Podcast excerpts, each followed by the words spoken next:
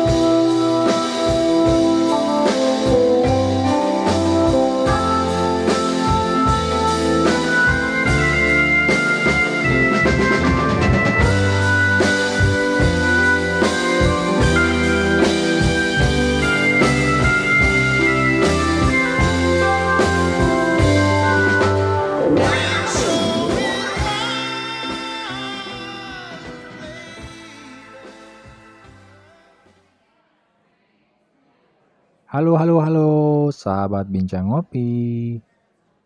Apa kabar kalian semua? Semoga kalian semua dalam keadaan sehat selalu dan berbahagia. Tanpa rasa syukur, tanpa rasa bahagia, tanpa kesehatan, tentu sesuatu dalam hidup ini tidak bisa berjalan secara baik-baik saja ya buat saya. Kenapa? Ya karena ketiga kata tadi itu adalah kunci di mana saya selalu merasa super bahagia dengan bersyukur, dengan memiliki kesehatan, dan dengan perasaan bahagia, saya bisa kombinasikan menjadi perasaan yang lebih super dahsyat lagi bahagianya bisa saya wujudkan hari demi hari yang di mana saya harapkan juga teman-teman para pendengar juga merasakan hal yang sama seperti apa yang saya rasakan. So, teman-teman bincang kopi, pada kesempatan podcast kali ini, saya ingin sedikit bercerita ya tentang kebersamaan. Kebersamaan apa sih itu kebersamaan buat kalian? Ada banyak hal ya tentang kebersamaan yang mungkin teman-teman bisa rasakan. Kebersamaan ketika kalian berjalan ke sekolah, bermain bersama, berkumpul bersama keluarga, bersama duduk dengan pacar, bersama duduk berbicara, makan bersama suami atau istri, bersama menikmati kehidupan bersama anak-anak, ayah, ibu, kakek, ataupun nenek. Nah, kebersamaan adalah sebuah definisi yang berbeda yang bisa kita semua rasakan. Lalu, kebersamaan buat kalian itu apa sih? Mungkin bisa kalian cari maknanya dalam hidup kalian, lalu telusuri kebersamaan seperti apa yang ingin kalian wujudkan di dalam kehidupan ini. Buat saya,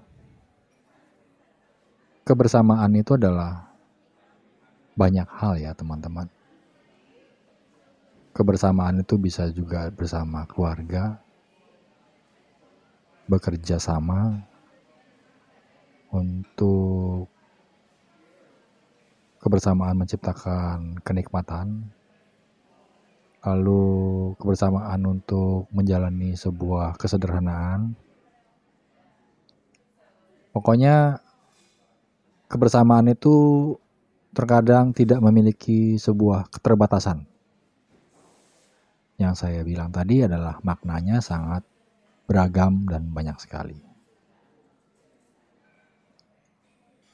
Lalu, bicara tentang kebersamaan adalah posisi di mana kita sangat menikmati detik, jam, dan hari bersama orang-orang di sekitar kita. Dengan adanya kebersamaan, entah kenapa kita merasa sangat nyaman untuk berbagi satu sama lain. Tidak hanya itu, kebersamaan juga mampu buat kita bisa berjuang bersama-sama untuk menyelesaikan suatu masalah dan pekerjaan dengan cepat. Pada hakikatnya, manusia itu adalah makhluk sosial. Artinya, tidak akan bisa hidup tanpa orang lain. Mungkin kamu sekarang mengaku bahwa kamu tidak butuh orang lain sama sekali sibuk menyendiri, tidak peduli dengan siapa pun, dan menghadapi cobaan sendiri, ya, kamu mungkin adalah orang yang paling kuat. Tapi kamu juga jangan munafik kalau kamu sering merasa kesepian. Bisa jadi kamu berpura-pura kuat di depan umum, namun sebenarnya menangis dengan seduh di belakang. Sudut pandang seperti itu adalah perilaku yang tidak baik. Apa salahnya kamu berhenti dengan menyiksa dirimu sendiri? Di saat orang lain membuka pintu, kamu malah membangun sebuah tembok penghalang. Kan ini sama sekali bisa kita bilang tidak sehat. Jika kita memikirkan dengan seksama, Kebersamaan itu sangat penting untuk bisa dilakukan dengan menjalin rasa kebersamaan yang baik dengan orang di sekitar. Hal ini akan bisa membuat kita merasa hidup ini sangat berharga untuk orang lain. Kebersamaan bukan hanya bisa kita dapatkan dari orang yang kita kenal seperti teman, sahabat, keluarga, pacar, pasangan, dan sebagainya. Namun bisa juga kita rasakan dari orang yang justru belum kita kenal sama sekali. Malahan ada juga yang mengaku merasakan kebersamaan tanpa ada kata atau tanpa berbicara. Gimana caranya? Dengan cara bisa memahami, kadang seseorang dapat mengerti satu sama lain jika orang tersebut tahu rasanya sesuatu karena pernah mengalami atau kondisi dia sama dengan kondisi kamu saat ini. Nah, inilah yang dinamakan kebersamaan secara tidak langsung. Berbeda dengan kebersamaan secara langsung, yang biasanya kita dapat dari kasih sayang keluarga atau menjalin kisah persahabatan, karena hal ini tidak perlu memahami cukup menulis cerita dalam kebahagiaan dan tertawa karena kekonyolan. Jadi intinya, menjalin kebersamaan itu sangatlah penting. Dengan siapa pun dan kapan pun. Karena kebersamaan identik dengan rasa bahagia dan senang.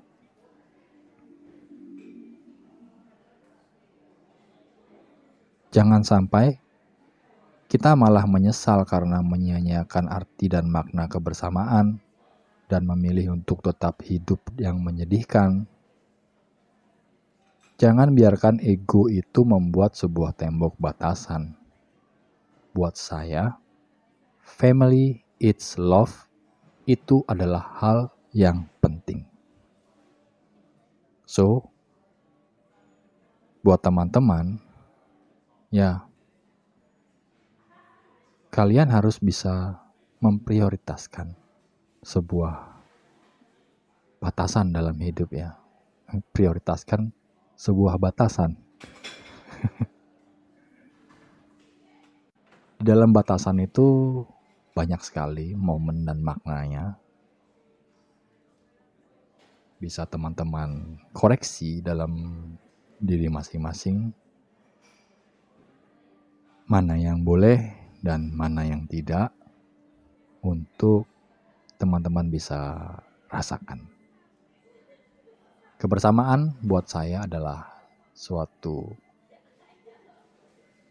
kenikmatan, sesuatu esensi yang mutlak yang kita semua harus bisa jaga sampai kapan pun. So, jadi teman-teman, kebersamaan itu adalah suatu hal yang sungguh indah untuk dilihat dan dirasakan. Karena setiap manusia pasti menginginkan kebersamaan dengan orang-orang yang dicintainya. Sehingga kebersamaan dalam hal apa pun itu sungguh sangat indah sekali. Dari kebersamaan itu, kita bisa belajar banyak hal tentang hidup ini. Salah satunya adalah kita bisa melakukan sesuatu hal yang lebih bermakna dan berkesan dalam hidup bersama keluarga, saudara, teman, dan orang-orang terdekat kita.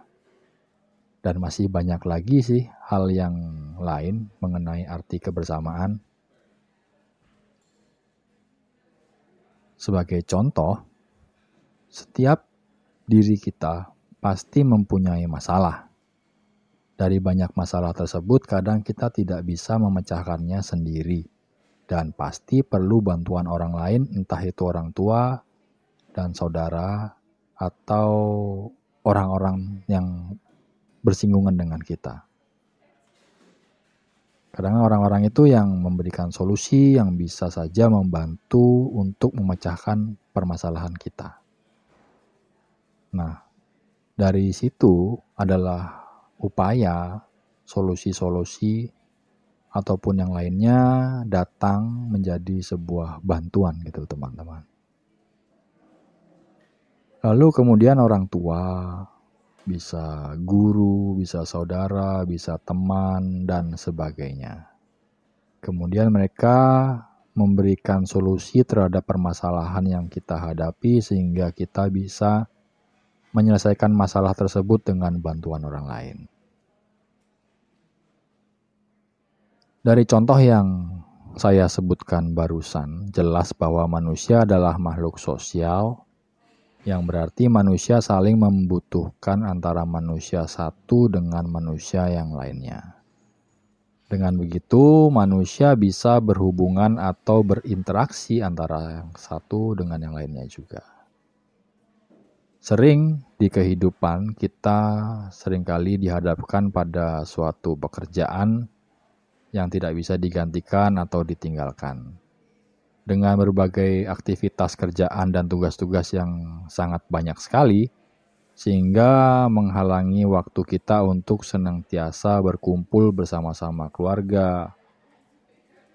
Akan tetapi, bagi orang yang beranggapan bahwa kebersamaan bersama keluarga adalah salah satu faktor utama dalam kehidupan ini dibandingkan dengan pekerjaan yang sesibuk apa pun akan tetapi tidak mencampingkan pekerjaan. Nah, ini yang sangat spesial sekali momennya.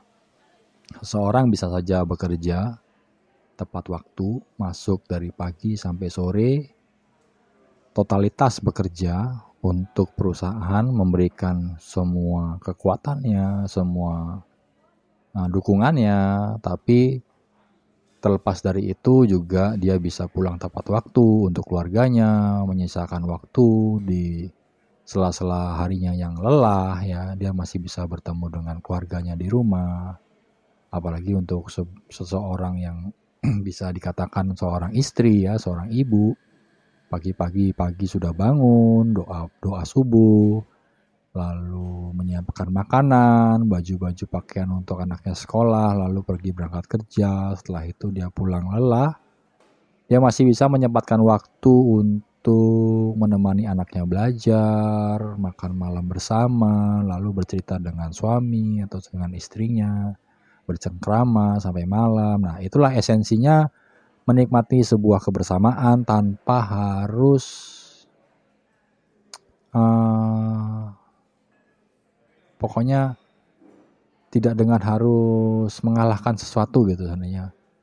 Tidak mempunyai ambisi yang sangat besar sekali untuk mewujudkan sesuatu jadinya everything is more balance ya. Buat saya sesuatu yang balance itu adalah sesuatu yang jauh lebih baik Konsis, konsisten kita bekerja di satu pekerja eh, di satu perusahaan berikanlah waktu kita yang terbaik bekerjalah dengan sungguh-sungguh artinya tidak banyak berbicara tidak banyak bermain-main tidak banyak membuka sosial media ketika bekerja, kita bekerja, bekerjalah. Dan tentunya bekerja di perusahaan yang benar-benar juga menghargai kinerja kita. Ya kalau enggak, ya ngapain kita kerja di perusahaan itu loh. Carilah tempat di mana tempat itu menghargai kita dan kita juga menghargai tempat itu juga. Seperti itu teman-teman. Bener nggak sih?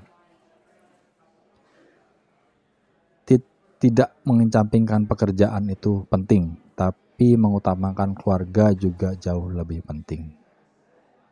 Money is not everything, tapi tidak punya uang akan menjadi masalah lebih penting lagi.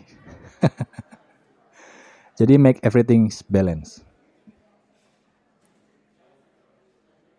Nah, di sini kita bisa melihat bahwa berarti manusia itu sangat mencintai kebersamaan. Bisa bisa seperti itu nggak sih kita bilang? Dengan kebersamaan, dengan itu juga sebabnya adalah suatu hal yang sangat indah sekali. Tidak ada kebahagiaan yang lebih terasa selain daripada kebersamaan bersama orang-orang yang kita cintai, baik itu bersama keluarga, guru, sahabat, teman, pacar, dan orang-orang yang kita sayangi lainnya. Sesungguhnya, mereka pasti sangat berarti dalam kehidupan kita. Kadang kita sering melakukan hal-hal yang ingin kita abadikan dan kita jadikan kenang-kenangan dalam momen hidup ini seperti jalan-jalan ke pantai sambil makan-makan dan ada juga yang senang pergi ke kebun binatang dan tempat wisata keluarga lainnya. Dengan tujuan ingin jalan-jalan dan kumpul-kumpul bersama keluarga, teman, dan orang-orang yang kita sayangi, mereka berpendapat bahwa dengan cara inilah salah satunya bisa berkumpul bersama keluarga. Maka oleh karena itu, mari hargai setiap kebersamaan bersama dengan siapa pun orang yang kalian sayangi, yang kalian cintai, dan jadikanlah setiap kebersamaan kalian itu bersama orang-orang yang paling kalian cintai dengan sesuatu hal yang bisa berarti ya dalam hidup ini karena dalam kebersamaan bersama mereka, salah satu yang bisa yang bis, yang salah satu yang bisa saya bilang itu adalah memiliki harta yang sangat berharga dalam hidup kita. Memori dan kenangan adalah harta. Di dalam sebuah keluarga pasti ya tidak ada kekurangan dan kelebihan. Jadi tidak ada yang saling menonjol. Tidak ada keluarga yang sempurna dan tanpa masalah. Setiap keluarga memiliki satu kepala keluarga yang harus selalu memberikan contoh yang baik bagi anggota keluarga. Jika ada salah satu seorang anggota keluarga melakukan kesalahan, usahakan jangan emosi terlebih dahulu itu nanti dapat menyebabkan suatu ketegangan. In, ketegangan biar nggak sepaneng gitu kan. Woles aja. Nah, indahnya kebersamaan dalam keluarga dapat diwujudkan jika saling mengerti supaya tidak sepaneng. Jadi harus saling mengerti, saling support, saling memahami lah intinya. Lalu jika timbul masalah, bersikaplah tenang, selesaikanlah dengan kepala dingin. Biasakan gunakan intonasi yang pelan dan ekspresi wajah yang tenang supaya orang yang kita ajak bicara tidak merasa takut dan semakin emosi. Kadang ada anggota keluarga yang merasa jenuh, yang merasa jenuh yang menginginkan lebih dari apa yang sering biasa dia lakukan. Bicarakan jika ada sesuatu yang membuat tidak nyaman. Ciptakan indahnya saat bersama keluarga supaya keluarga bisa tetap harmonis. Nah, teman-teman, berikut ini ada 10 tips cara menjaga kebersamaan dalam keluarga agar semakin hidup harmonis. 1. Melakukan aktivitas keagamaan bersama. Aktivitas keagamaan yang dimaksud di sini adalah sholat berjemaah bagi yang beragama Islam, mengikuti kajian keagamaan yang ada di lingkungan sekitar atau tempat tinggal, mengajak anggota keluarga mengunjungi dan menyantuni fakir miskin dan anak yatim piatu, terutama yang masih ada hubungan kerabat dekat dan yang ada di tinggal di yayasan-yayasan yang ada dan sebagainya. Buat teman-teman yang beragama Nasrani juga ya Katolik juga bisa melakukan ibadah komsel bersama ya komsel keluarga mungkin dengan doa-doa pengampunan, doa permintaan, dan yang lain-lainnya juga. Nah, yang kedua itu adalah makan bersama. Kegiatan makan bersama dapat dilakukan baik di rumah maupun di luar rumah. Bisa di restoran atau di rumah makan favorit kalian semua ya. Yang penting intinya bersama keluarga.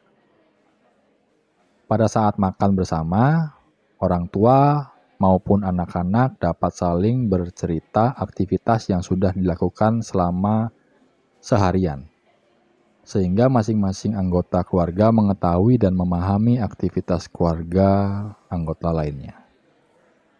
Sesekali waktu perlu dijadwalkan untuk makan bersama anggota keluarga di tempat-tempat yang lebih jauh lagi mungkin supaya dapat ada variasi yang mungkin bisa saja jaraknya jauh dari rumah ya mungkin bisa memakan lebih dari 30 km atau suasananya diganti dengan pegunungan, laut atau hal lainnya supaya tidak bosan gitu karena dengan variasi bisa ngeliat menu yang baru dan suasana yang baru daripada makan di rumah sesekali saja boleh. Berkumpul bersama keluarga menikmati rekreasi menikmati momen ya kan menciptakan momen juga. Yang ketiga adalah menonton televisi bersama. Bila dimungkinkan hindari untuk mempunyai televisi lebih dari satu di rumah mungkin zaman sekarang ya sudah agak jarang ya punya televisi. Atau mungkin masih tetap ada televisi tapi tidak pernah ditonton. Nah hal ini dimaksudkan agar masing-masing anggota keluarga dapat berkumpul di ruang keluarga dan menonton acara televisi bersama sembari mengobrol santai tentang acara yang ditonton.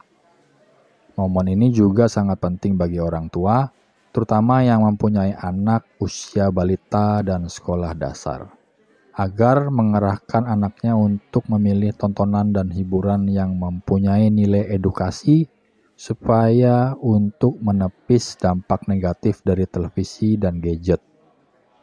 Pada saat menonton televisi, orang tua juga dapat mengenalkan nilai-nilai luhur dari acara yang sedang ditonton, seperti nilai ketuhanan atau tontonan yang bergenre tentang agama ya mungkin dengan uh, nilai-nilai sosial budaya yang mungkin toleransi di situ ada dan sebagainya sebagainya. Nah, mungkin buat sebagian orang menonton televisi itu sudah tidak wajib atau mungkin sudah dihilangkan ya berpindah ke gadget yang gadgetnya punya masing-masing. Anak punya sendiri orang tuanya tuh mama punya papahnya punya. Di sini saya tetap mempunyai televisi dan kita semua tetap menonton televisi. Cuman televisinya sudah pakai TV kabel.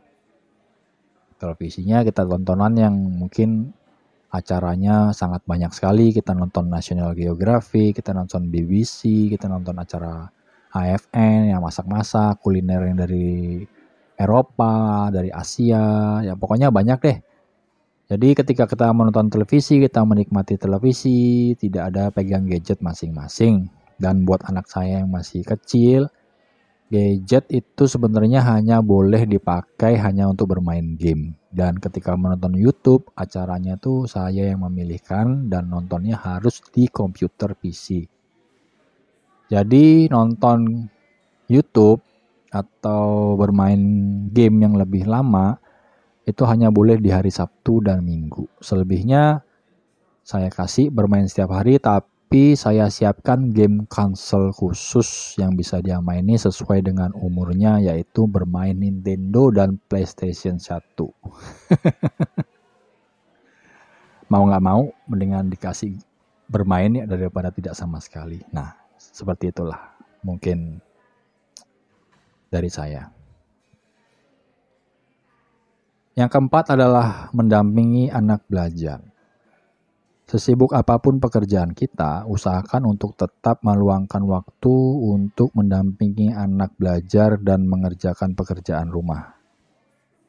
Hal ini dimaksudkan agar kita mengetahui perkembangan sekolah anak kita dan membantu mencari jalan keluar atas kesulitan atau permasalahan yang dihadapi oleh anak kita di sekolah. Jadi ya, komunikasi antara orang tua dan anak itu penting. Bisa mendengarkan, lalu bercerita, berkomunikasi dua arah lah pentingnya. Yang kelima adalah mendongeng. Banyak penelitian yang mengungkapkan bahwa aktivitas mendongeng yang dilakukan oleh orang tua dengan anaknya sangat bermanfaat bagi perkembangan kecerdasan emosi anak. Kecerdasan emosi merupakan faktor penentu paling besar dalam menentukan kesuksesan anak di masa yang akan datang. Lalu yang keenam adalah bermain bersama anak. Bermain bersama anak dapat dilakukan dengan cara bermain kuda-kudaan, bermain peran, membuat kolase bersama, membuat origami, atau permainan lainnya yang menjadikan favorit anak. Seperti saya dan anak saya, kita sering bermain Lego, lalu suka merakit mokit ya seperti Gundam, lalu robot-robotan science yang menggunakan elektrik yang pakai dinamo gitu kita sering rakit-rakit. Jadi itu untuk selain melatih kesabaran mereka, itu juga merekatkan keintiman antara saya sebagai ayah kepada anak-anak saya. Yang ketujuh adalah belanja bersama. Ajaklah anggota keluarga untuk ikut belanja bersama seperti belanja bulanan ke pasar tradisional, supermarket, mall, dan berikanlah kesempatan kepada mereka untuk memilih barang yang dibutuhkan untuk memenuhi kebutuhan hidup sesuai dengan keinginannya. Jika memang diperlukan, buat kesepakatan dengan mereka barang apa saja dan berapa jumlah nominal uang yang boleh dibelanjakan sesuai dengan keinginan mereka, asal mereka bertanggung jawab dengan pilihannya. Ini juga mengajarkan bahwa belajar untuk bertanggung jawab dan biasakan dia mengajarkan bersama untuk juga belajar menabung. Lalu yang kedelapan adalah masak bersama. Hal ini perlu dicoba terutama bagi pasangan muda yang mempunyai anak usia 4 sampai dengan 10 tahun. Anak-anak usia 4 sampai dengan 10 tahun biasanya sangat tertarik pada aktivitas memasak di dapur, terutama masakan menu favoritnya. Keingintahuan mereka akan cara memasak menu favoritnya biasanya cukup tinggi. Tidak sedikit dari anak-anak ini ingin mengambil peran orang tua yang sedang memasak menu favoritnya, yang tentunya dengan kreasi mereka sendiri.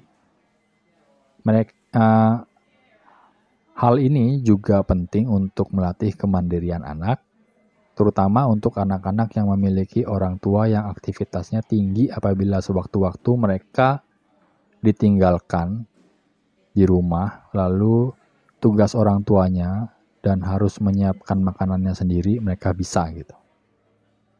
Tetapi yang harus diingat bahwa adalah tanamkan pengertian pada anak tentang menggunakan kompor yang baik dan benar agar terhindar dari resiko yang tidak diinginkan. Lalu yang kesembilan adalah momen bebas. Momen bebas yang dimaksud di sini adalah memberikan kesempatan kepada masing-masing anggota keluarga untuk melakukan aktivitas yang disukai dalam suatu waktu tertentu.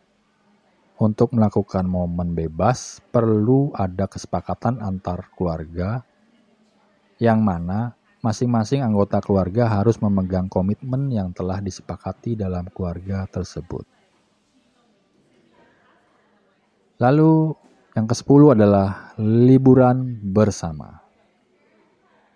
Liburan bersama adalah sering dijadwalkan minimal satu tahun sekali Liburan bersama tidak harus memilih tempat yang jauh dan butuh biaya yang mahal untuk mengunjunginya.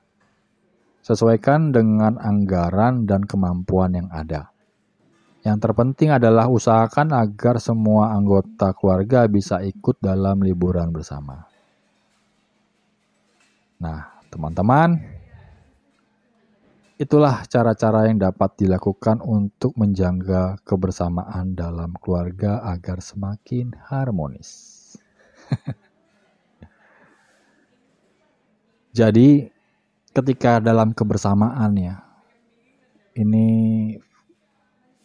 sebelum uh, edisi podcast saya tutup ya, saya ingin membagikan sebuah kisah. Bukan kisah pribadi saya ya, saya pernah menonton sebuah film yang mengisahkan tentang ya ada ada maksud tujuan dari kebersamaan juga tentunya.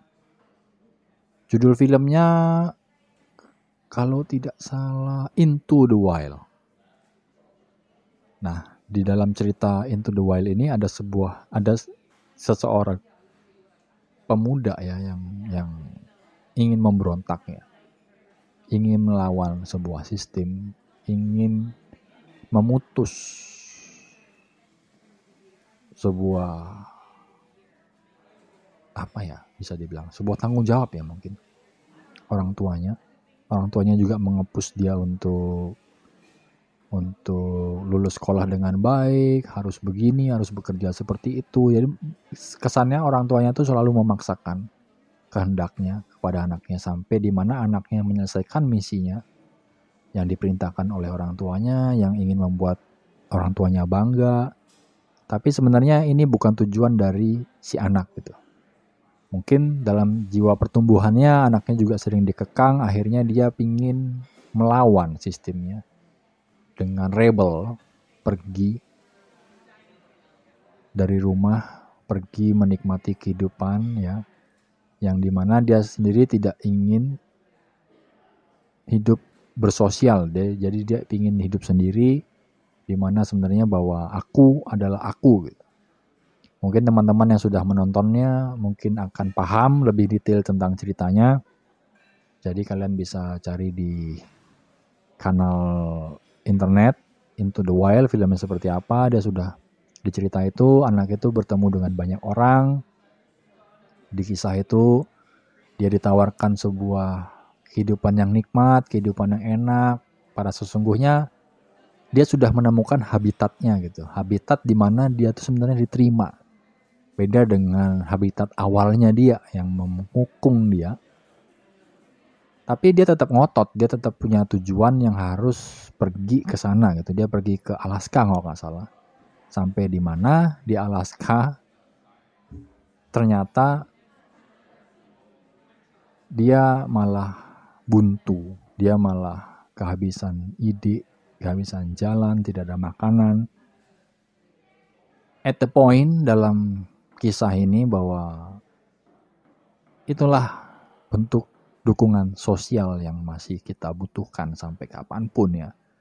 Artinya kita harus menemukan habitat kita untuk bisa saling mendukung gitu. Sefrekuensi lah bahasanya. Pergaulan yang sefrekuensi sedikit tapi intim itu jauh lebih baik buat saya daripada banyak tapi nggak jelas. Jadi di film itu sebenarnya kebersamaan adalah penolakan buat dia.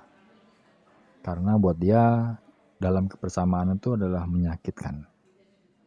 Ya, itulah sebuah pembelajaran. Saya berpikir juga ketika nonton film seperti itu, karena agak 11-12 kisah hidup saya sama si yang si pemuda yang ada di film cuma bedanya saya berpetualang mencari pengalaman bertemu dengan banyak orang saya belajar saya menyimpan alamatnya tapi saya juga ingin terus berjalan dan keinginan saya masuk akal gitu tidak pergi ke Alaska. Dan beda banget gitu loh ya. Tapi ya buat teman-teman yang belum pernah menonton filmnya, monggo coba dicari filmnya, ditonton sendiri. Nanti kalian buat asumsi kalian sendiri. Seperti apa perwujudan filmnya dan seperti apa makna-makna yang disisipi di film itu. Buat saya bagus kok.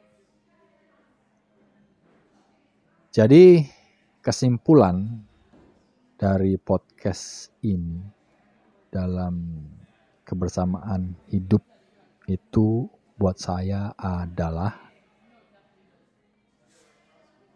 satu, kita saling menghormati satu sama lain. Dua, menghormati agama yang berbeda dengan kita.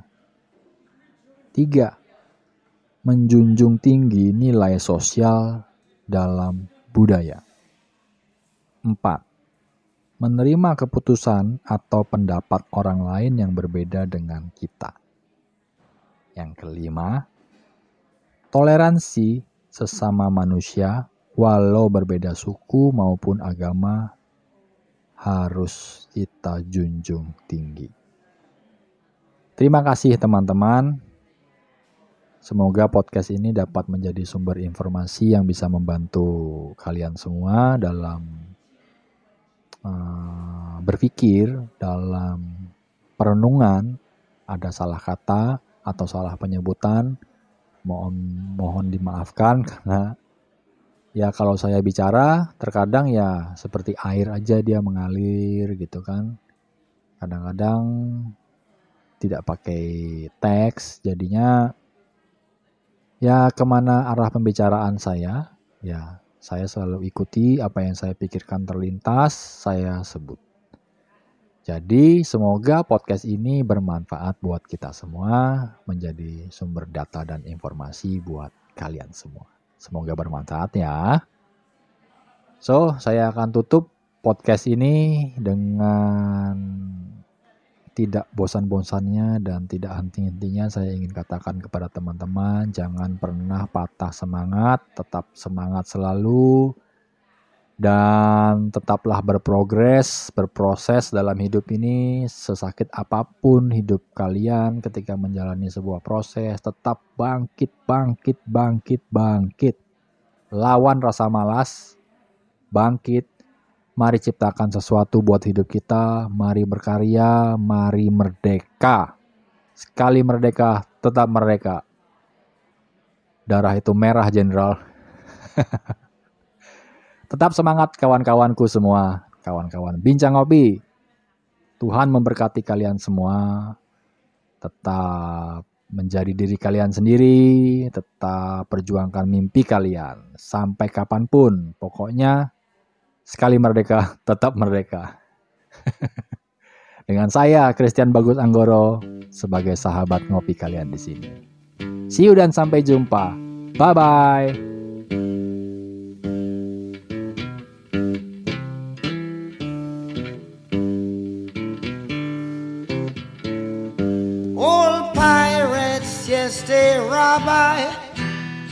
Sold I to the merchant ships. Minutes after they took I from the bottomless pit, but my hand was made strong by the hand of the Almighty. We forward in this generation triumphantly. Won't you help to sing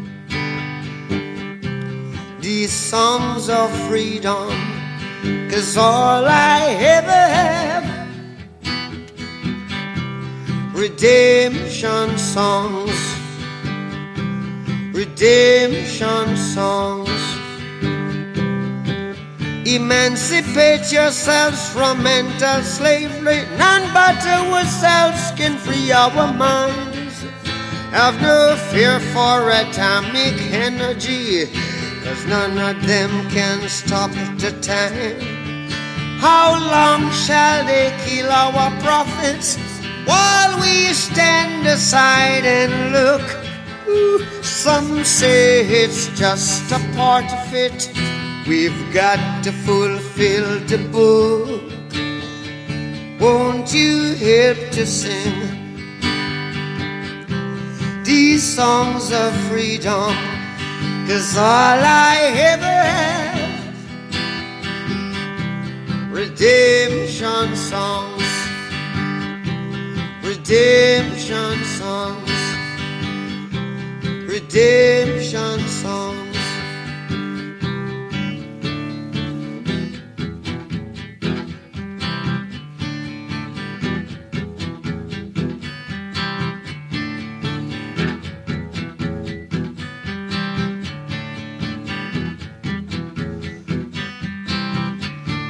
Emancipate yourselves from mental slavery. None but ourselves can free our mind. Oh, have no fear for atomic energy. Cause none of them can stop at the time. How long shall they kill our prophets while we stand aside and look? Yes, some say just a part of it. We've got to fulfill the book. Won't you help to sing these songs of freedom? Cause all I ever had redemption songs. All I ever had redemption songs. These songs of freedom, songs of freedom.